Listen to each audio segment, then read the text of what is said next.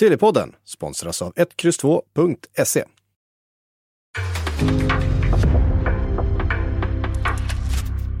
En podcast från Aftonbladet.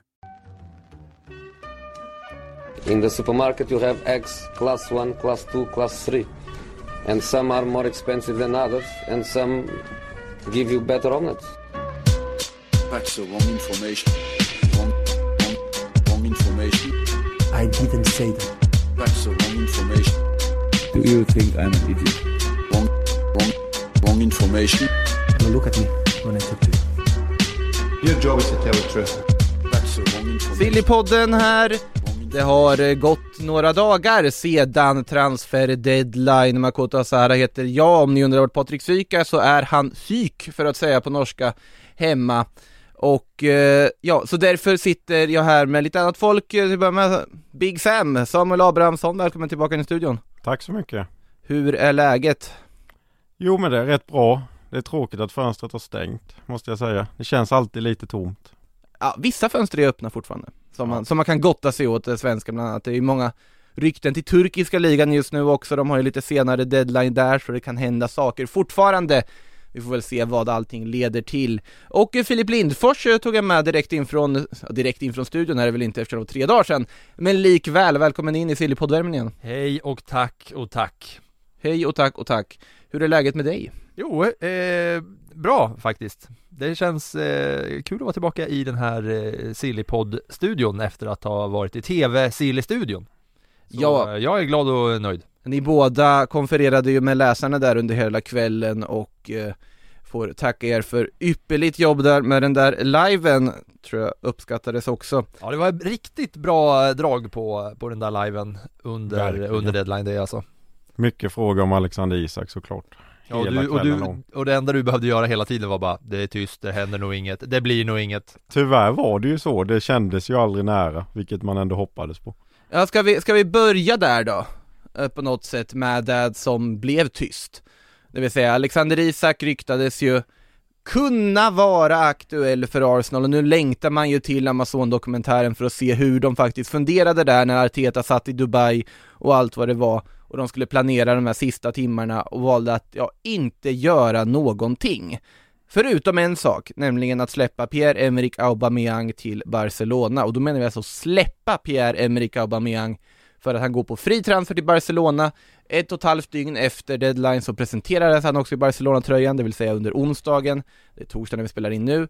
Och ja, vad, spontan Alltså, reaktion så på här, det? om det? Om det är någonting man vill veta så är det ju i den där dokumentären så är det ju inte vad tystnaden berodde på kring Alexander Isak. Man vill ju veta vad har hänt mellan Arteta och eh, Aubameyang. Jo, det är, det är många Det är ju- detaljer man vill Det veta. är ju det man vill veta framför allt. Och jag såg nu precis att Sky Sports tweetar ut att eh, Pierre-Emerick Aubame- Aubameyang says he didn't want to cause any trouble at Arsenal and that his only problems were with Mikael Arteta. Alltså det känns som att det, det ska bli väldigt intressant hur de porträtterar de två kombatanterna i det här, i den här dokumentären, när den kommer då. Att kommer Arteta att framstå i ganska dåligt dager? Det hade inte förvånat mig. Nej, jag tror de inte kommer att ha med så mycket om det Inte i det tyvärr. där eh, dokumentärteamet alltså, det där är ju en PR-produkt bara helt och hållet för klubbarna som, eh, som vill det. Jag tror att det kommer målas upp att det är en riktig eh, dödgrävare, Aubameyang, alltså att han är, han målas upp som verkligen the bad guy. Ja, det, det låter sannolikt. Eftersom. Arteta är kvar i klubben med så kommer det ju bli så. Med ett kontrakt som slutar nästa år, va? Och 2023. som de ryktas vilja förlänga nu. Mm. Alltså med tanke på att de byggde hela Tottenham-dokumentären på José Mourinhos karisma, det var ju en stackars Porsche som fick, eh, vad var det? Han- Han fick ett halvt, kvart liksom, en halv säsong blev liksom en kvart av första avsnittet, sen var Mourinho show resten, att han Mm. gjorde vad han ville. Eh, det är inte riktigt lika lätt att bygga på Mikael Artetas karisma skulle jag gissa på, att bygga en hel serie på det. Vi Nej, får han är se. ganska tom som person. Det finns ju inte mycket liksom eh, mjuk och fin personlighet och eh, någon slags eh, ja, fin känsla i den där eh, kroppen. Det är väldigt, väldigt tomt när det kommer till Arteta. Jag. Extremt tråkig alltid. Alla intervjuer, presskonferenser och det som vi får se utåt. Det hade varit kul att se om man kanske bjuder på någonting mer i dokumentären. Ett leende. Ja, Jösses. Nej, men, eh, ja, men om vi hoppar tillbaka till Aubameyang-historien, eh, Sam, dina spontana reaktioner kring det som inträffade och det som utspelade sig under deadline? man kan ju se det från flera perspektiv. Eh, På ett sätt kan man ju se det som att Arsenal ändå lyckades Eh, ja, släppa honom, eh, slippa en stor lönepost, man sparar upp med 300 miljoner här nu sägs det väl. Eh, men samtidigt så är det ju ett stort fiasko. Det blev ju största stjärnan som Mesut Özil ännu en gång. Man får bryta kontraktet och det kostar ju ändå betydligt mer än det smakar. Dessutom har man två anfallare kvar. Däremot så tror jag att Aubameyang kommer kunna göra det rätt bra i Barcelona. Jag ser inte honom som slut som en del verkar göra. Han är ändå bara 32 år tror jag. Så att, eh, men det är ju mycket märkligt agerat av Arsenal. Man har ändå deras största stjärna, bäst betalda spelare, 18 månader kvar, väljer att släppa honom, bryta kontraktet. Borde ju ändå kunna inbringa en del pengar i transfersumma. Visserligen har inte Barcelona några pengar, men ändå. Alltså de senaste uppgifterna där från David Ornstein på Athletic är ju också att Arsenal hjälper Barcelona med lönen här i början, inte bara att de då har köpt loss Aubameyang från absurt. kontraktet. Ja, och det här, och det som är så intressant i det hela här, tycker jag, jag vet jag var inne lite på det under vår sändning också, att det är fascinerande hur snabbt det har kollapsat. Att det börjar med på något sätt den här försenade hemkomsten från, på ett flyg från Paris. Han, det är ju någon form av, ja, grädden på moset på alltihopa på något sätt. Eh, grädden på det skurna moset. Att, och sen slutar med, ja men du blir av med kaptensbindeln. Men redan där kände jag, men är inte det väldigt reaktionärt? Inte- fick inte ens träna med A-laget. Ja, det, det var ju nästa steg. Att han sen inte får träna med A-laget, känner man, ja men hur snabbt har det här eskalerat? Men jag undrar ifall det inte är så att han har något på Edu och Arteta. Det känns så pass sjukt att det är så att han har något, något på dem som man skulle kunna släppa som skulle vara väldigt, väldigt dåligt för, för Arsenal som klubb för att annars är det ju här det sämsta affären som någonsin har gjorts. Alltså det, det är en usel Det finns ju ingenting bra med det för ur Arsenals sätt, det finns ingenting bra. Men det enda är väl att de på sikt faktiskt sparar in pengar. Sikt på sikt sparar de in pengar. Om man då räknar på att de här 1,5 åren som Aubameyang har kvar på sitt kontrakt. Ja. Han hade en lön på 350 000 pund i veckan och rapporteras från flera källor. Men på sikt tjänar man inte mer att ta sig in i Champions League och sen kunna locka till sig ännu fler spelare Hjälper Aubameyang att eh, ta dem in i Champions League just nu? Ja det gör han väl, alltså Eh, om, det går att diskutera. om man spelar hon, om han får spela, alltså om man bara hade löst situationen så att han var välmående och producera på, på så sätt så, så känns det ju som att egentligen så borde det ju eh, ge mer att eh, jobba för en Champions League-plats än att ge upp det. Ja, jag håller med där för att han är ju bättre i form än de två anfallarna de har. Ja, och framförallt att andra alternativet blir Lacazette och inte Eddie Nketiah som har en förmåga att göra Eddie allting Nketiah är ju överskattad. Ja, fruktansvärt Ja, det, han överskattat. är väl Arsenals största bluff någonsin tror jag. Ja. Ja, det, du, Och man finns- tackade dessutom, eh, nu går vi kanske ifrån det med Auba, men man tackade dessutom nej på bud på Nketiah från både Newcastle och Crystal Palace. Och Ja, det är ju också rimligt i det här läget, eller? Alltså du har ju en annan forward. men ändå, för att släppa honom i gratis i sommar, Edu kan ju inte ta betalt för en spelare, det går inte för honom. Nej men exakt, nej, men det, och, och det är lite där jag menar att hade man behållit Aubameyang för att han är ju uppenbarligen, han är ju bättre än Lacazette och eh, Lacazette är ju bättre som ett andra alternativ för att Lacazette är ju inte sådär som att han kommer spela och, och göra hur mycket mål som helst. Han har ju gått in i någon slags bollvinnande nummer nio roll i Arsenal där han är liksom slitvarg längst upp, där hans främsta roll är att vinna bollar åt de andra liksom Fast jobba, han- jobba ner. Och då hade, har man ju haft han som ett andra alternativ. Nu kommer det ju vara en del matcher, skadar sig Lacazette eller får någon liten hamstring, då står man ensamma med din Ketja eller att man ska skola om och spela någon eh, Alltså Martinelli kommer ju få sina chanser centralt, det känns ju helt orimligt om han inte skulle få det tycker jag i det här läget. Ja, Eh. samtidigt så har, har han aldrig fått chansen innan den här säsongen heller. För att han är ju i grunden en central forward, jag förstår inte varför man inte skulle kunna spela honom på topp centralt. Eh, men i alla fall, om man, om man går tillbaka till just Auba situationen med att eskalera, att de går så långt, jag fattar att man vill bli av med honom. Sen var det ju snack ett tag då att ja, men man försöker bli av med honom, men då ska det komma in en ersättare. Och där slutar istället med att Nej, ingen ersättare. Vi diskuterar med Barcelona om att låna ut honom. Nej, vi kommer inte överens om en bra låne, lånedeal. Nej, vi ger bort honom. Ja. Samtidigt så kände man ju också lite det här, när han väl fick kaptensbindeln så vet man ju att alla som får kaptensbindeln i Arsenal skiter det sig för, totalt. Xhaka är kvar. Ja, han är kvar men han, eh, han fick ju bindeln 2019, vad gjorde han sen? 15, 20 matcher innan han eh, blev utbytt eh, mot, eh, Palace och sarkastiskt applåderade åt supportrarna och skrek 'fuck off' Det var ju kanon Och hur många av fansen uppskatt, uppskattar honom idag? Ja exakt, det är, ju, det är ju ingen alls. Och sen så innan där var det Korselny som gjorde några matcher. Eh, han fick ju binden, han skulle ju ha hållit den liksom tre år tidigare typ. Men sen när han väl fick binden, då gick det inte lång tid innan han eh, fick psykos och ville sticka från Arsenal liksom. Att han ville dra därifrån. Sen kan man ju bara gå tillbaka innan, det var Mertesacker. Han var skadad hela säsongen när han eh, fick, alltså från att han fick kaptensbindeln. Kom tillbaka och gjorde en fa cupfinal Visst, kanske inte superlyckat eh, kaptens eh, material hela vägen. Vermalen innan, det var samma sak, fick kaptensbindeln, ville dra till Barca. Innan var det väl, eh, ja, van Persie, det är inte ens något att prata om. Gick till United, Ja, innan och- dess Fabregas som gick till Barcelona. Exakt, och innan där var det Gallas nummer 10, mittbacken. Ja. Alltså det är ju, eh, det är ju en, det är ju ett eh, liksom, eh, det är ett bestämt haveri att få eh, kaptensbindeln i Arsenal. Eh, för, för transparensens skull ska vi säga att det finns Arsenal-sympatier i rummet utan att specificera det mer än så. Du menar att vi pratar så negativt så att man Och nu har inte ens Arsenal en lagkapten. Nej, och det alltså kanske en är bra fast för dem. lagkapten, utan man har ju valt att avvakta tills i sommar som Ja. jag förstått det rätt. Det, Det det, är är för, ju- att, det är för, för att det finns en förbannelse över kaptensbindeln, uppenbarligen, som man vill men, vänta. Alltså, jo, men och så är det, Ja, man kan ju gå till, senast Arsenal hade en vettig kapten var ju eh, Tony Adams På riktigt liksom, när det, när det funkar ordentligt, ja kanske har han ri då, men det var kanske han rir då. ah, fan, jag vet han, fan var, okej. han, han, han, var, han var godkänd teori, gedigen. Ja, som spelare Ja, i alla fall. Eh, som sagt, men då kan man också vända på det och konstatera att det är fantastiskt sportcheferi av Matteo Alemani att lyckas få Pierre-Emerick Aubameyang gratis på fri transfer sista dagen av transferfönstret. Han skriver ett kontrakt med honom till 2025.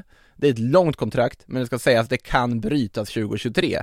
Och det, anledningen till detta är då att Aubameyang i princip späder ut sin lön för 1,5 säsonger över fram, alltså över ytterligare två år. Så det är samma typ av kontrakt som Samuel Umtiti till exempel fick när han från ingenstans förlängde den här säsongen. Att man späder ut upp, alltså utgifterna på det här viset. Eh, de lyckas alltså med de ekonomiska bekymmer de har plocka Aubameyang, de plockar Adama Traoré som har gått ner rejält i lön för att spela i Barcelona, Aubameyang går också ner i lön väl när hans egentliga Barcelona-lön Också gått in. ner rejält i kvalitet va? Mot vad man trodde Aubameyang? Ja, och Traoré Ja, Traoré har väl inte, Traoré har ju snarare inte hittat den där kvaliteten som man vet Nej, att han kan hitta stagnerat känns det som, han är väl ändå 25 nu och det händer men det- ingenting. Nej men det är en supervärvning om poletten trillar ner, då har ju de fått en liksom världens Ja, han kan ju bli världens bästa fotbollsspelare om man bara Oj. får det att fungera. Men kommer den Ja trilla men, ner ja, men den titta, poletten den då? fysiken, speeden och allting. Han kan ju, när han känner för det kan han springa om alla. Men Problemet problemet Han är kan att inte göra mål. man har ju sagt detta nu i fem år liksom, han är ändå 25 nu. Och eh, ändå så händer det ingenting fortfarande. Ja fast det är ju det, han behöver miljöombytet. Och ur den aspekten, jag tycker det är en klockren värvning på Barcelona de är här och nu, det är också en som egen produkt i grunden eh, Ferran Torres för en halv miljard, spansk landslagsman, 21 år gammal, det lyckas de lösa De plockar in Dani Alves på fri transfer, vilket också är en smart värvning egentligen, sett till vart de är och på att han fortfarande är en brasiliansk landslagsman Som de inte får registrera för Europaspel nu också De valde att inte registrera Alves för de får bara registrera tre nya till Europa League och då vart det Aubameyang, Adama och Ferran Torres. Många som har ifrågasatt detta men det känns ju ganska rimligt att de ska låta stackars 38-åriga Alves vila lite också, ibland. Men det är ju spännande nu att bara de tre som de har värvat till anfallet där skulle kunna vara deras nya front trio. ja, nu när Ansu Fati är skadad ja. Ja, och samtidigt har de ju ändå Memphis Depay och Luc de Jong får ju inte glömma och så vidare. Så det blir intressant att se hur Xavi tänker formera det här nu ju. Mm. Eh, och dessutom Osman Dembélé. Mm. För han gick ju ingenstans i slutändan, det har varit mycket diskussioner hit och dit, men känslan just nu är väl att det finns en möjlighet att han ändå kommer spela under det sista halvåret. Laporta har varit lite mer tillbakadragen när han fått frågan om Dembélé där han konstaterat att jo men det är upp till Xavi, det är upp till tränaren hur man använder Dembélé i det här läget. Och tränaren Xavi har ju varit tydlig tidigare att han vill använda Osman Dembélé. Om man kan, för han finns tillgänglig i truppen, han är så pass bra. Ja, om han är skadefri och i form så är han ju deras bästa alternativ egentligen. Egentligen ja, För att han har ju den högsta högsta nivån. nivån. Men problemet är att det är för sällan han har fått ut den i Barcelona. Sällan han är tillgänglig överhuvudtaget för Ja. åker, ja, Spelar mycket tv-spel istället. mest skadad. Men i alla fall, eh, så att han, eh, Han blev ju kvar, det var ju snack om alla möjliga klubbar där under slutet men det slutade i tystnad Dembélé som Barcelona misstänker, det här är också intressant, att Barcelona misstänker att han har en deal med en annan klubb klar. Eh, ospecificerat vilken, enligt katalanska uppgifter så är det Manchester United eller Juventus han ska ha en deal med, franska uppgifter säger att han har en pre-agreement med PSG, PSG och Barcelona ska till och med ha förhandlat en en väldigt intressant förhandling med två parter som egentligen jobbar utifrån helt olika premisser som bara, det bara krockar för de har en annan, de går på en annan grund. Det är som att eh, jag tänker på en apelsin och pratar med dig Filip som tänker på ett äpple och så ska vi försöka diskutera. När Barcelona då, ja ni vill ha Dembélé nu? Ja, Ja, det här vill jag se vart det landar, kom igen, fortsätt. jag vill se vart det landar. Ja, men att Barcelona då, när de får det här erbjudandet, ja, men vi kan ta Dembélé direkt, vad skulle det krävas? Ja, vi vill ha Neymar. Eh, det var ju tystnad, det var ju, de ignorerade, de ghostade ju Barcelona där, och då, men okej då, Angel Di Maria, är ingenting där heller. Och sen skulle ju någon sån här normal mellanväg i den situationen, hade ju varit typ Mauro Icardi eller Juan Bernat. Eller typ såhär live in Kursava plus cash, jag vet inte, någonstans där. Barcelona vill ha 20 miljoner euro. Så att där någonstans så kunde de ju faktiskt börja diskutera. Men det slutar med att Dembélé har ju varit i Paris på semester, det är också en sån här, och den Vingeresa vi inte har pratat om. Eller Alexander Isak-resa. Ja, ja Alexander Isak-resa snarare var det väl kanske än en Oden Wingi-resa. Aubameyang var ju på en Oden Wingi-resa. Ja. Han gjorde ju en full Oden Wingi kom vi fram till. Eh, Jag väntar verkligen på att landa apelsinet och äpplet här. ja, vi, vi kommer till det. Och då, när han kommer tillbaka då, då har PSG erbjudandet, ja ni får vår mittback Diallo som vi aldrig använder plus uh, unge mittfältaren Dina Mbimbe som ingen har hört talas om. Eh, utan cash. Och det jag menar med äpplet och apelsinen här det är ju att de, de värderar allting på en helt, liksom helt olika nivåer. Ja, då blev det solklart. Var det så konstig, eh, en så konstig liknelse? Ja, jag är uppe på läktaren i alla fall. Om vi ska släppa den Helt så, uppförande. eh, och- och- så tror jag ändå att det blir PSG i sommar. Ja det låter, det, det är rimligt. Det är rimligt att tänka Eh, PSG Mbappé kommer ju lämna eh, med 99% Du tror på Sport Bilt? Ja de skrev ju det förra veckan ja. De skrev det på deadline nu Ja då var det ja. Bildt går ut och säger att Mbappé och Real Madrid är överens, vilket fick de spanska journalisterna som skrivit det i ett halvår och ett, ja, nästan ett år vissa att, ja det var väl en bland annat som skickade en sköldpadde-emoji som så här citat-tweet på Bildts uppgifter, vilket var lite roligt. Men Dembélé känns ju som han Det är liksom Det passar ju bra Han är ju fransman Går hem till Frankrike PSG behöver någon ny Ja det känns väl som Födelsedagsfester. Ja det känns Kan nog komma bra överens med Neymar också Mm. Vi ska komma tillbaka till PSG lite, men jag tycker först att vi ska sluta tillbaka till Arsenal. Ja, vi är faktiskt inte klara där än. Och det är ju för att det kommer ju faktiskt inte in någonting. Och Austin Trusty, Austin Trusty. Åh, jag har inte tänkt på det där namnet, vad glad jag blev. Austin Trusty. Som ansluter i sommar och sen dessutom ska lånas ut till en europeisk klubb Oh. säsongen 22-23 jaha, ska han lånas ut vidare sen också? Arsenal skrev det i sitt pressmeddelande på deadline day till och med Att det är ambitionen. Austin Trusty. Man vill ju bara säga det om och om igen. Ni vet när man kan få en låt på hjärnan. På samma sätt hade jag Austin Trusty namnet på hjärnan under hela deadline day. Att den bara ekade i huvudet. Austin Trusty. Bara på namn. Ja, han, han kom, ja, det ju är typ imponer- pappret. Ja, eh, visst, det var inte så imponerande av Arsenal som inte gjorde någonting, men Stan Kroenke gjorde det ju bra för att han skeppade ju pengar från sin ena klubb till sin andra klubb. Så det var ju bra business för eh, Arsenals ägare. Nu pratar du om Austin Trusty här ja. Austin Trusty och Stan Kroenke som äger både Colorado och eh, Arsenal va? Colorado. Men man undrar ju då för Mikael Arteta var ju på en hockeymatch med Ja, men Colorado Avalanche som också Stan Kroenke Var det äger. det de diskuterade då? Man tänkte ju, fansen tänkte liksom nu är det de stora pengarna Arteta ska få tillgänglig, Isak och så vidare. Och så är det mittback från Colorado. Austin Trusty. Ja, eh, det, ja, det, var imponerande av eh, Stan Kroenke. Det går ju bra för honom i alla fall nu. LA Rams i eh, Super Bowl, Austin Trusty, han får pengar till en klubb och ja, tvättar det på, på så sätt. Så, nu ja. tappar du bort mig istället. Här är Han det gjorde det bra. Apelsin åt andra hållet. Mm. Men som sagt, Arsenal gör ingenting. Det var ju mycket snack om anfallare hit och dit. Det var ju prat om, ska man nu aktivera Isaks utköpsklausul? Blev ingenting av det. Arthur. Eh, vilket Arthur dog ju ganska tidigt i hela den affären för att Juventus inte ville släppa honom och att Allegri plötsligt hade sett värdet i honom. Alvaro Morata var ju ett alternativ som dök upp sent om sidor. Douglas Luiz i Aston Villa. Douglas Luiz försvann på att Aston Villa inte fick in en annan def mitt som de letade efter under det här fönstret också.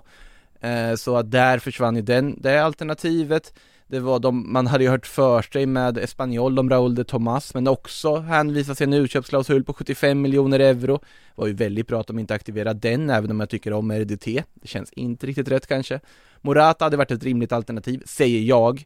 Men samtidigt han valde att stanna i Juventus för att spela med Vlahovic och slåss om sin plats och Allegri värderar honom väldigt högt. Ja. Även om Juventus inte har någon plan på att köpa loss honom. Men då vill han just typ Atletico ha tillbaka honom nu verkar det som istället. Ja men vi har pratat om det med att Arsenal inte tog in någon och framförallt så på anfallsfronten, det kändes ju verkligen som att vad som helst hade varit bättre än ingenting. Ja, När vi snackar Morata och sådana namn. Och då kommer vi ju till, eh, kan vi slänga in lite lyssnarfrågor här också. Erik Persson frågar, vem värvar Diego Costa och varför är det Arsenal?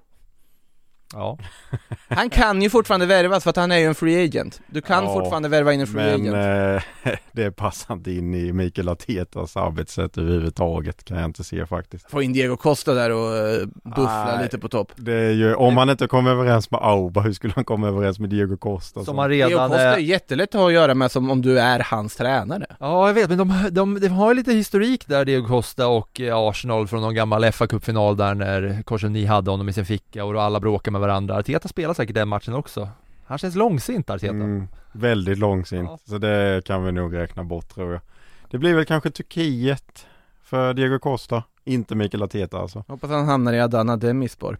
Ja, i alla fall. Eh, en annan fråga från Victor Lundström, vilken forward känns realistisk för Arsenal att värva till sommaren då? Det sägs ju att de ska då förbereda en rejäl raid till sommar istället. David, Isak, Calvert-Lewin eller annat namn? Det var rolig kombo du körde på namnen där. David Isak sa du nästan. Det reagerade jag på. Men det, den enklaste dealen att lösa där tror jag är David i Lille. Arsenal bra relation med den franska klubben, köpt både Gabriel och Nicolas Pa- Pepe därifrån. finansierat mycket av deras äventyr. Ja, verkligen. Eh, Isak kommer inte bli billigare i sommar om någon ny trodde det liksom. Varför han har långt kontrakt. Eh, visst, Sociedad skulle ha tid på sig att hitta en ersättare men han är fortfarande ung. Jag tror det är klausulen som gäller. Ja, jag tror att med sommarfönster så kan du börja förhandla. Ja, men det blir ju Men- kanske 100 miljoner billigare då. Ja, men Det är 100 samtidigt är det så här. Visst, miljoner. visst att Arsenal inte har eh, tagit in någon anfallare eller eh, gjort något sånt, men Isak är väl ett ganska hett namn i allmänhet i fotbolls-Europa. Trots att han bara har smält in fyra mål. Skulle han göra det nu bra hela vägen fram till sommarfönstret, då kommer ju massa andra klubbar också in som kanske har mer ekonomiska muskler och eh, är Jag bättre. går inte Arsenal till Champions League, det är också Ja, ja men då, då finns, ja, låt säga att han gör en 7-8 mål nu liksom. Då kommer det in flera klubbar som kanske både har eh, möjlighet att eh, aktivera utköpsklausulen men kanske också att förhandla. Och då faller väl Arsenal ner i eh, rang som alternativ. Ja fast alltså det, det ska sägas, det har jag sagt förut om Alexander Isak, att i hans fall är ju grunden han är bara på allas listor men han toppar ingen lista. Mm. Och det är där som är lite gränsen nu, när han börjar toppa listor då är Arsenal ute ur bilden. Eh, I alla fall i dagsläget, det beror på vad Arsenal också gör under resten av säsongen. Om de skulle ta en Champions League-plats, då är de en helt annan förhandlingssits. Då är de en Champions League-klubb på gång, du, han vet att det är om liksom miljö han kommer få speltid i, som är på uppgång. Så att, jag räknar inte bort Arsenal i det här, än. Ja, mitt utgångstips är att det blir David. Jag tror det. Tror du, tror du man betalar stora pengar till Lille igen? Ja, jag tror det. Man var dumma nog med Pepe så varför Fast David? David är ju, känns ju också som en väldigt bra värvning Ja. att få in, så att Och det är ju också den värvningen som är enklast att lösa tror jag. Eh, Colbert Lewin Everton, det är engelsman, rätt ung, spelar i en annan Premier League-klubb. Det är om han börjar bråka sig bort, eh, annars kommer det bli väldigt dyrt också. Ja, och samtidigt har det inte varit några su- supersuccéer med Arsenals värvningar från eh, ligan när det kommer till de Nej. där offensiva. Vi kollar på Gervinho, och Pepe och Lacazette har inte faktiskt heller. Visst att han har blivit något, någon slags klubb, eh, ja, jag, vet- jag vill inte De ta ju- ordet klubbikon i min mun, men med, med tanke på att han har varit lite längre i Arsenal så är han en, någon liksom profilerad spelare, men han har ju inte varit någon supersuccé liksom. Vänta, pratar du om Nicolas Pepe? Eh, Lacazette. Jag tänkte väl, jag var ju fortfarande inne på Pepe i huvudet när jag satt och tittade på den Ja, nej det hade varit ännu mer, ännu mer orimligt att säga Ja exakt, det var därför jag var, var, var, var, nej det var jag Men som egentligen behöver ju Arsenal två anfallare för att de kommer inte ha någon anfallare i sommar. Nej exakt, både Lacazette försvinner och och Enketia kanske borde Alltså- gå till Mjällby eller något Om det går att förlänga Lacazette med ett år tycker jag man borde göra det om vi säger så Nej, jag tror det blir hem till Lyon då. Ja, där har ju Olas redan varit tydlig och sagt att han, Ja, han vill Han ha ville ha honom nu i januari, det gick inte. Och med det sagt så kan vi väl faktiskt spacera bort från Arsenal och vi ska inte så långt därifrån för att det är en annan del av London för Tottenham har ju gjort mycket under deadline day, det har varit många affärer, Dejan Kulusevski in officiellt, ni har säkert läst och hört allting om den affären, vilket ju ska bli jättespännande att följa. Rodrigo Bentancourt också, anledning kanske till att Aston Villa inte fick en mittfältare, för de var ju, ville ju ha Rodrigo Bentancourt, Tottenham gick in och plockade den värvningen istället. Men samtidigt har de också gjort sig av med mycket spelare, man skickade Gio Lo Celso till Villarreal, man skickade Dele Alli till Everton, vi kommer tillbaka till det, och dessutom då Tanguy Ndombele till Lyon och Brian Schill till Valencia, han var strålande för Valencia mot Cadiz här i kuppen också, kanonstart för honom. Eh, Betancourt och Kulusevski då? Rätt in i elvan eller? jag tycker det. Båda två? Ja, Bentancourt är väl, han kommer ju konkurrera om en plats i elvan, sen är frågan, plockar man bort Höjbjerg, plockar man bort Skip eller vart, vart hamnar han då?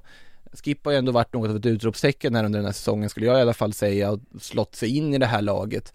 Eh, nu har du ju också, du har ju stream, strömlinjeformat hela laget på att du blir av med så otroligt mycket mittfältare.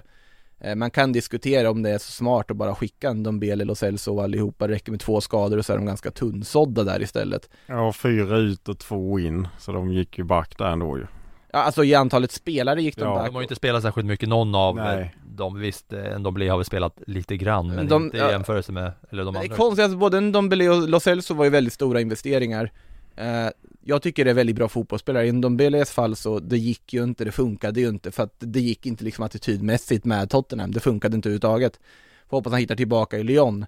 Eh, Lo Celso tycker jag är lite underligt att man värderar så lågt, nu har han inte varit superbra men den spelar som enorm hög Hög nivå egentligen, jag tror han kommer göra succé i Villarreal, är min känsla.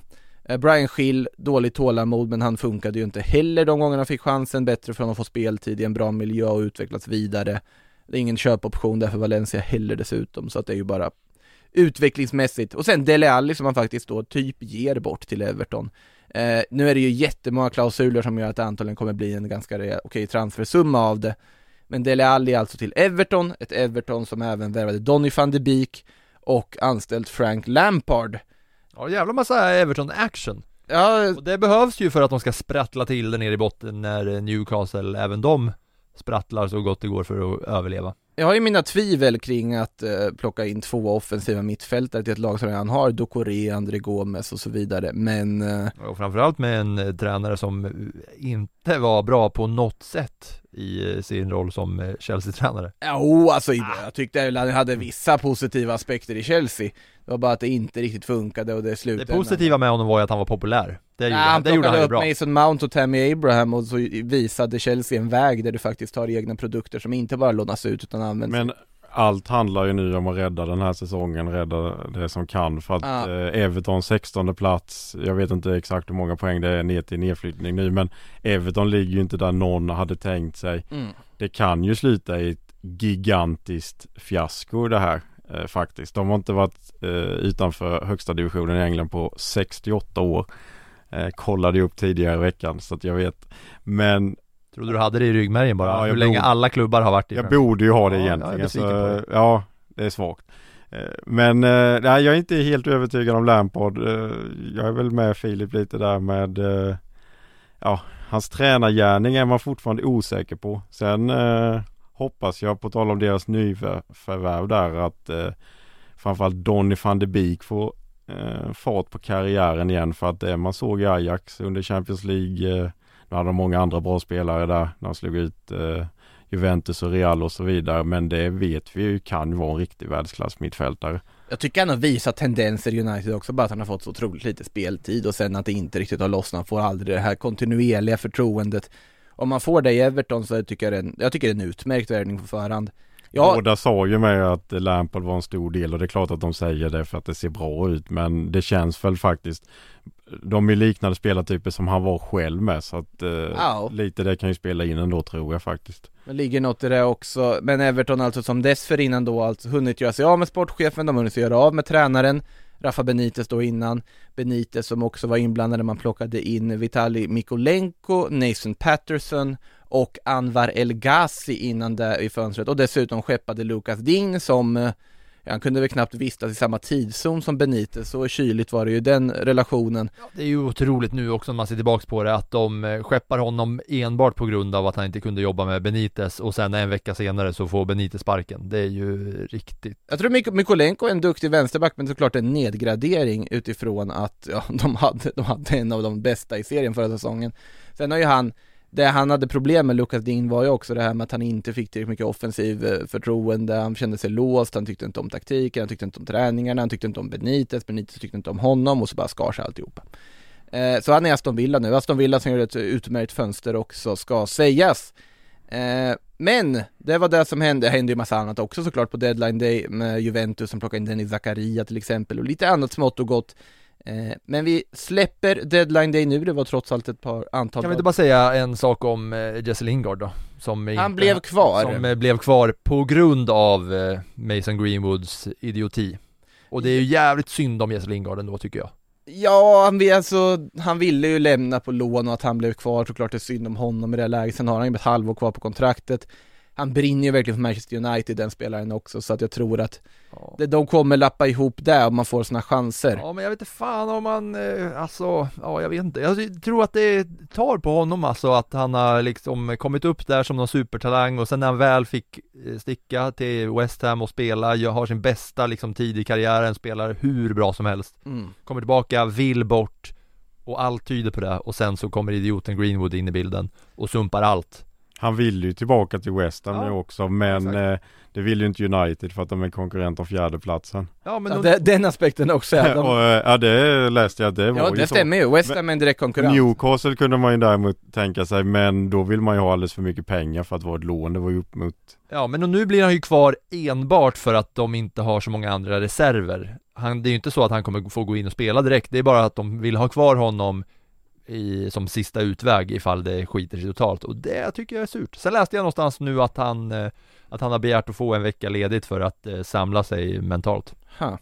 Ja det, det är intressant också i sin tur, se hur det går för Jesse Lingard. Hoppas han får lite speltid här under våren. Jag tror inte han kommer få det. Nej, det känns tveksamt.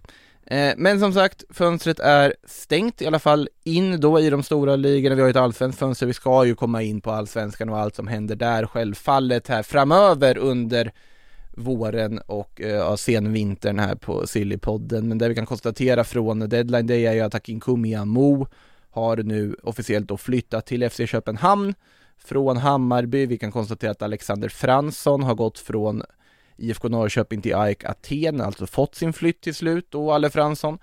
Eh, bland annat det har hänt, eh, får återstå att se, det kommer ju komma fler övergångar hit och dit, det är ju flera andra utländska fönster och fortfarande öppet dit svenska spelare kan flytta och svenska klubbar kan ju fortfarande värva in från andra klubbar fram till 31 mars. Eh, så vi får se vad som händer där.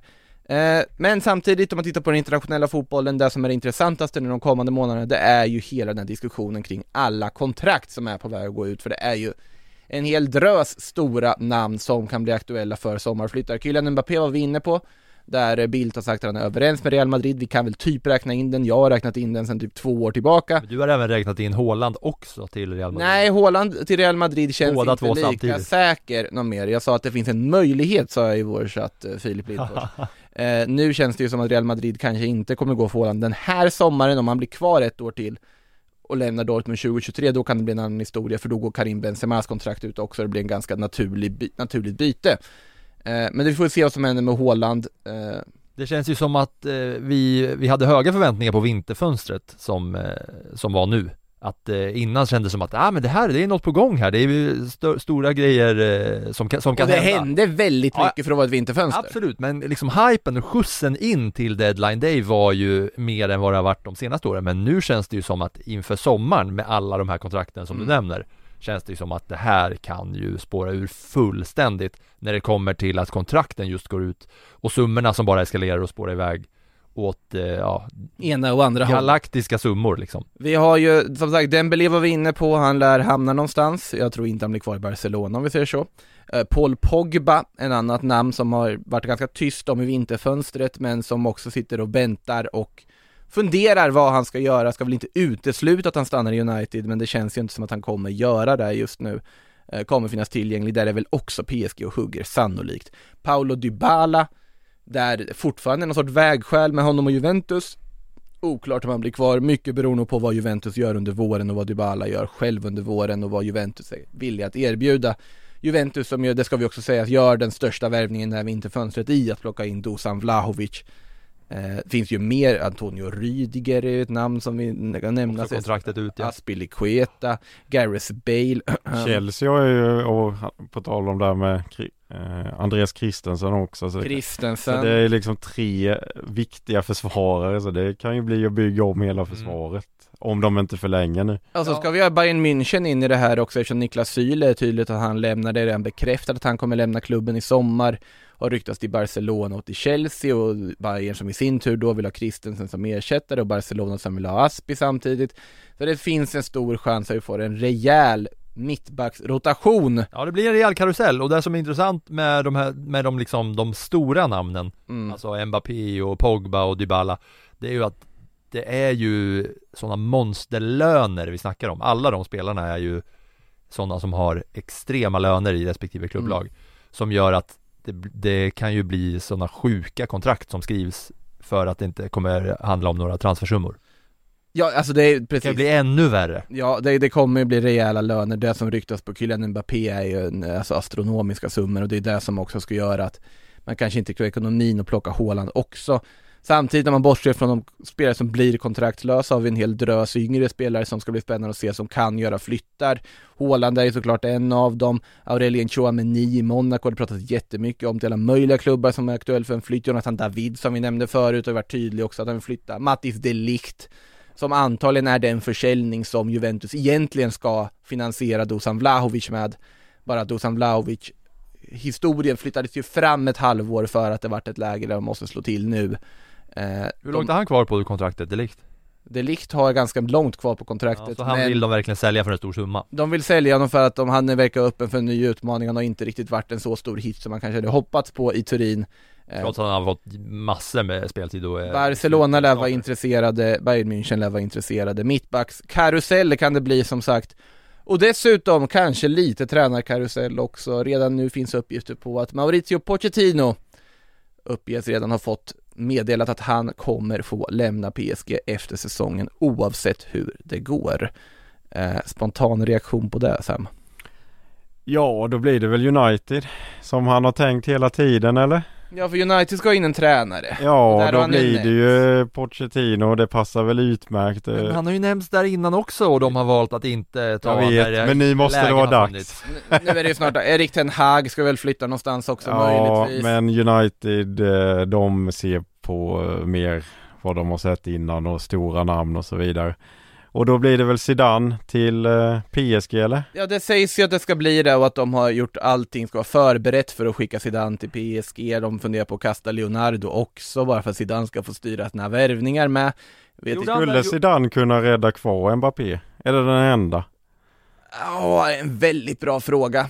Att han kanske vill En av få som skulle ändå kunna få till det, även om jag inte tror det. Men av liksom de tränare som finns, eller så skiter Mbappé vem som blir tränare och han drar ändå. Det är väldigt det är väldigt intressant fråga alltså för det är ju fortfarande så att det är så att Även om det rapporteras att Kylian Mbappé är klar, PSG verkar ju ändå ha inställningen att försöka in i det sista att behålla honom. Det är inte helt otänkbart Om Mbappé känner, ja men ett år med Zidane. Med Ja, just Messi, Zidane, med Neymar. Vad kan det leda till? Dra iväg med en trippel och sen liksom vinna VM med Frankrike, ta en trippel med ECL, sen gå till Real Madrid.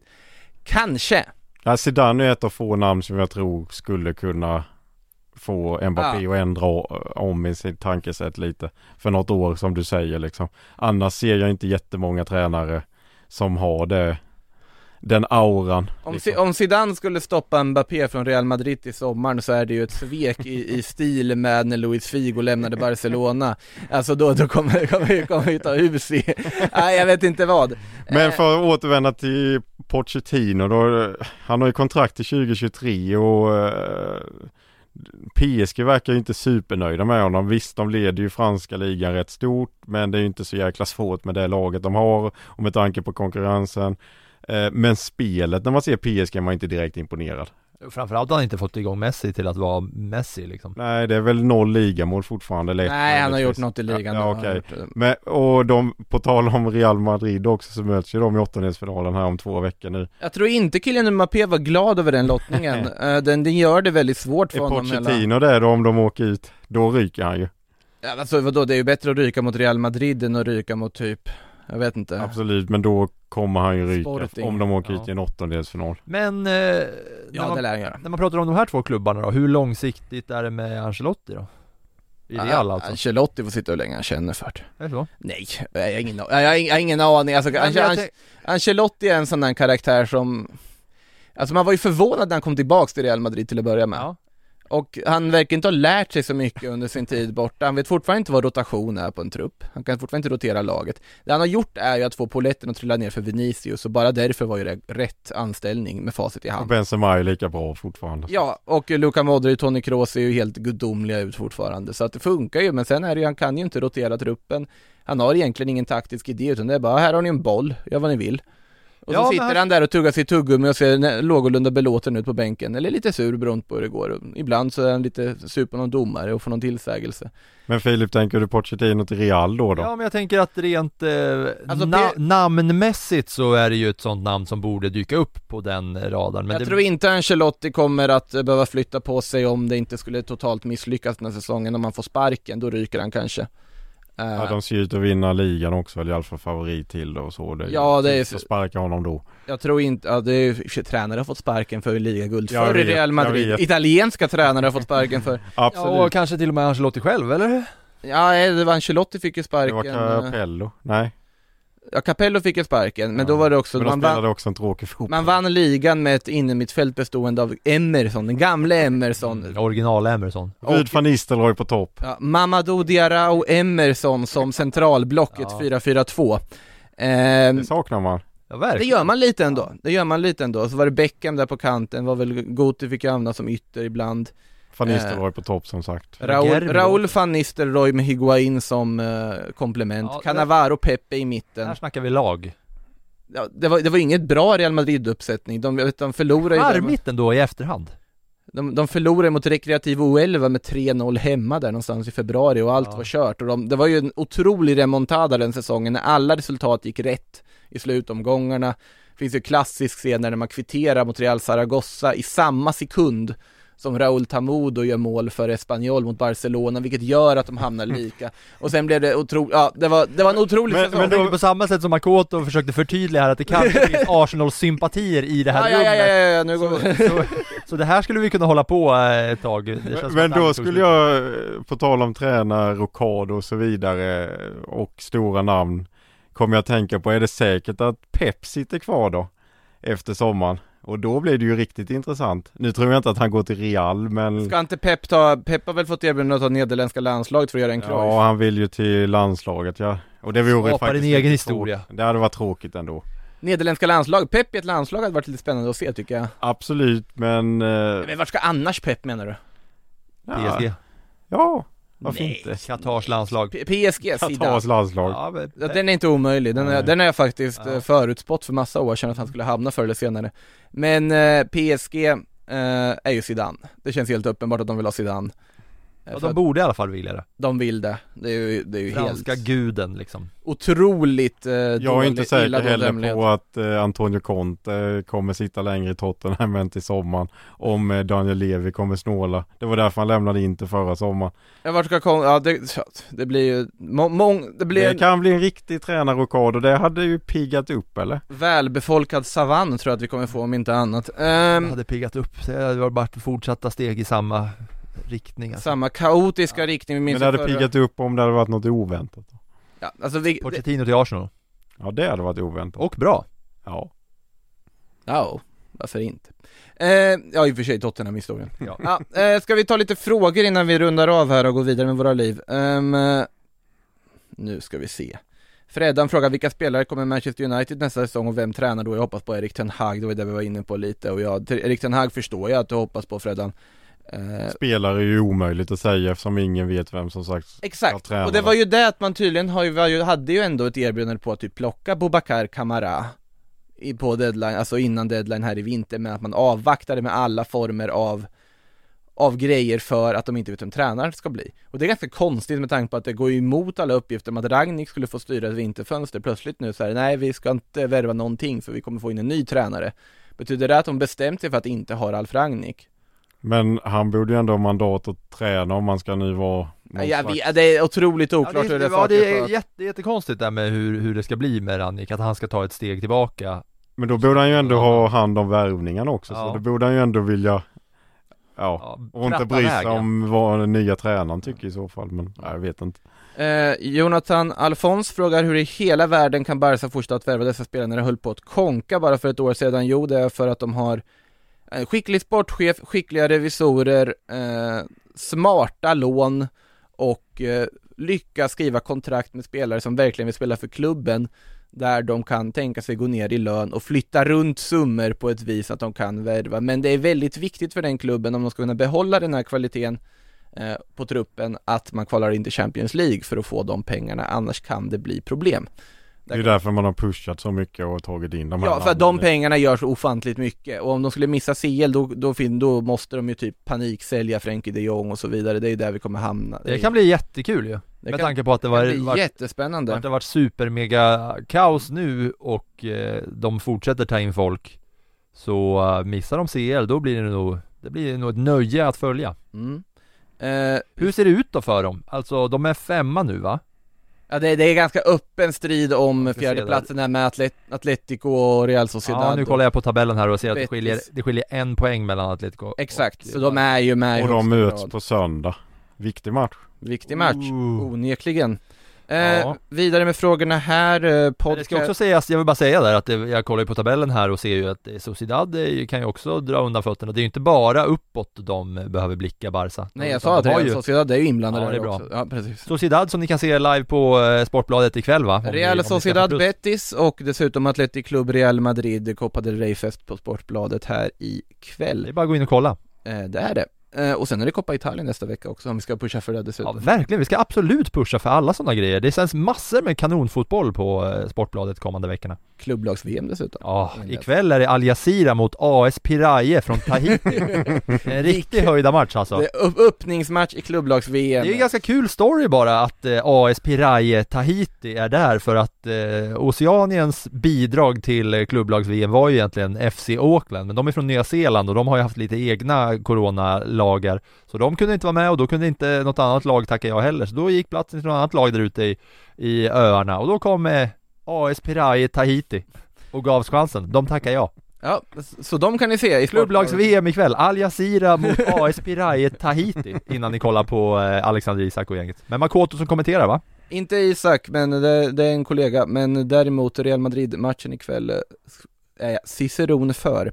Eh, vi ska gå vidare med frågorna här. Mm. Podcast Rossoneri frågar Kessi, vad hände med Kessi i Milan? Ja, det är en väldigt bra fråga också. Han är ju också en sån här namn som blir väldigt spännande att följa som är utgående avtal, verkar ju inte bli kvar i Milan. Kommer nog bli ett av de mer eftertraktade namnen i sommar Verkligen, Eh, verkligen. Är bara 25 och eh, kommer inte kräva huttlösa summor kanske i lön som många andra Så du huttlösa? Ja, jag reagerade också men jag tänkte att det kunde vara något dialektalt där nerifrån eh, Eh, Huttlösa, seriöst? Ja, från Blekinge Hutlösa är det väl? Ja, men jag säger ja. Huttlösa. ja. Ja, Dialektala val får Ja, får- Folk får hata på Twitter om de stör sig på detta ja. Jag tror att det är lugnt, men fortsätt. Ja, eh, men jag tänker att vi ska väl inte heller utesluta att han skriver faktiskt på ett nytt kontrakt med Milan. De kommer ju troligtvis ta en Champions League-plats, allt annat vore ett fiasko nu. Och eh, ja, de kan ju till och med vinna ligan fortfarande. Vi, vi kommer ju då osökt faktiskt in på den fråga jag tänkte vi skulle avrunda det här avsnittet med från Adam Westfält. Vilket lag gjorde det absolut sämsta fönstret? Han säger, för mig är det klart Leicester, inget in med några unga ut, med alla skador behövde de förstärka kan man lugnt säga, men vad säger ni, vilken klubb var sämst? Jag tycker Milan är väldigt bra med här. Milan hade en möjlighet att pusha för någonting här nu, de pratar om en mittback hela fönstret, slutade med en okänd 18-årig serb till anfallet som eh, hade Zlatan, så självklart har Zlatan Ibrahimovic som idol när han var liten, vilket alla unga spelare som kommer till Milan har haft. Eh, de, de gör ett väldigt svagt fönster sett till vilken position de har satt sig i där uppe i toppen. Jag tycker Napoli är ett ganska svagt fönster, bara plockar in Toan Sebe på lån för att täcka upp för Manolas. De skulle också kunna pushat för någonting. Eh, där har man ju De Laurentiis också i och för sig som ordförande, vilket är, ja, det kan bli lite vad som helst av det. Men jag tycker att det är ganska svaga fönster från de, deras sida. Italien, Leicester håller jag med om, det är ganska överraskande svagt fönster de gör också, händer verkligen ingenting. Leeds är något frustrerande fönster för dem, enda som händer är att skicka Cody Drame iväg på lån, annars ingenting. Hade behövt hända lite i Leeds kanske med tanke på situationen också. Mm. Arsenals fönster så tycker jag ändå att liksom där man blir av med väldigt mycket som man faktiskt ville bli av med. Alltså Pablo Ja, Mari, alltså- Kolasinac eh, och så vidare. Det är ju jättebra på ett sätt och sen är det det sämsta genom tiderna på ett annat sätt. Det är ju, det är ju svårt att om man håller upp två händer så ska det liksom väga jämnt där med hur man släpper ut och tar in. Och det gör det ju inte riktigt här eftersom att man bara har släppt. Då ska vi komma ihåg också ifall man värvade väldigt mycket mer än man kanske släppte i somras. Men om det är svårt eh, vill jag bara säga då att komma på vilka som gjorde sämst fönster så är det väl rätt enkelt att säga vilka som gjorde bäst, eller hur? Juventus. Ja. Ja, Juventus. Eller Solklart. Barca. Juventus Barcelona tycker jag har gjort de två som sticker ut på riktigt bra fönster. De som man trodde skulle förgylla fönstret av helt andra anledningar på att ta dåliga beslut och eh, jag vill också säga att Liverpool gjorde ett väldigt bra fönster för att ingen hade räknat med att de skulle värva, ta in Luis Diaz, bredda anfallet. misslyckas med Fabio Carvalho på ja, deadline. men han kom då- i sommar så att Bara att eh, Neco Williams går till eh, Fulham på det där lånet, att det där blir officiellt och han igenom säger väl det mesta om att de kommer nog lösa det där på ett eller annat sätt. Men ingen hade ju räknat med att de skulle värva och då tycker jag Diaz en klockren värvning, snodde han framför Tottenham. Ja, Bra jobbat. Jättebra fönster där också, absolut. Colorado Rapids också jävligt bra fönster. Ja, Säljer eh, Austin. Trusty. Ypperligt fönster. Ja, det är bra gjort. Eh, Valencia går att diskutera, jag vet jag har sagt att jag tyckte de gjorde ett helt okej, men samtidigt har Bordalas gått ut och gjort en liten egen variant, eller åtminstone utan att säga det rakt ut, gjort en liten take på då Rafa Benites gamla klassiska Valencia-citaten här. Jag ville ha en soffa men fick en lampa. Eh, om vad som hände under Och- det andra fönstret. Och då vi ändå pratar om spanska klubbar så vill jag lägga in Sevilla med för att det handlar inte alltid bara om värva. De fick behålla Diego Carlos och tog in Martial som jag tror kommer bli Ja. en av vårens Och bästa spelare i La Liga. Tecatito dessutom på det. Ja, Eh, så de har gjort ett klockrent som vanligt av Monchi. mm, mycket bra fönster där också. Tecatito. Jesus Corona. Kan inte du berätta den Tecatito. storyn för den var hi- himla bra. Alltså Tecatito, det här smeknamnet som man ändå kör på tröjan, det har ju faktiskt en grund i ett ölmärke. För grejen är att Jesus, Jesus Corona, det, det, är liksom, det är ju också en mexikansk öl, Corona. Det är inte bara ett virus. Eh, vilket ju de, då ölmärket märkte under pandemin kan man väl säga, när försäljningarna ökade också, underlig historia. Men all- Men det andra stora ölmärket i Mexiko heter ju Tecate. Och eh, Tecatito kopplas ju då till det här andra ölmärket på ett eller annat sätt. Jag kan inte den exakta detaljen varför han just har valt att ha Lilla Tecaten på, eh, som smeknamn, men likväl är det kopplat till ölmärket. Kul ju! Så är det, det är Så här kul. kan man också avsluta en podd. Ja, jag tycker det där är jätte, jättebra. Ska vi avsluta så tycker ni? Ja, Vi gärna. har ändå gått över, Fantastiskt. vi gick lite längre än vad jag faktiskt trodde vi skulle göra idag, så det, det är väl perfekt. Sillypodden som sagt, vanligtvis vid den här tidpunkten, när vi har gjort en sån här sammandrag av vad som har hänt under fönstret, brukar vi säga tack, godnatt, vi hörs i sommar. Det gör vi inte nu, för Sillypodden lever faktiskt vidare. Vi har slutat att gå i ide likt en eh, brunbjörn, utan vi fortsätter istället året runt, dock kanske en gång i veckan snarare än två som det har varit fallet under fönstrets öppettider. Och vi kommer ha mer allsvenskan och dylikt framöver, men också såklart en hel del framåtblickande mot det som händer i sommar och allt spel bakom gallerierna som nu sker när stora spelare kan flytta på sig i sommar. Så vi hörs nästa vecka tills dess. Jag säger tack till Sam, jag säger tack till Filip, jag säger framförallt tack till er lyssnare och på återhörande. No eggs, no hornets.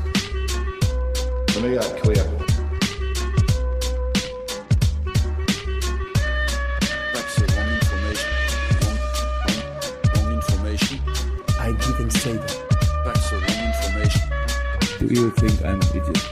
Wrong, wrong, wrong information. Now look at me. Say hello to a new era of mental health care.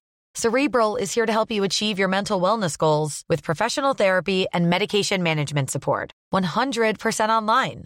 You'll experience the all new Cerebral Way, an innovative approach to mental wellness designed around you. You'll get a personalized treatment plan from a therapist, prescriber, or both in a safe and judgment free space. Your Cerebral therapist or prescriber will outline a customized plan with clear milestones along the way so you can get to feeling your best. With Cerebral, you're not alone in your mental health journey. We're here to empower you to live a fulfilling life.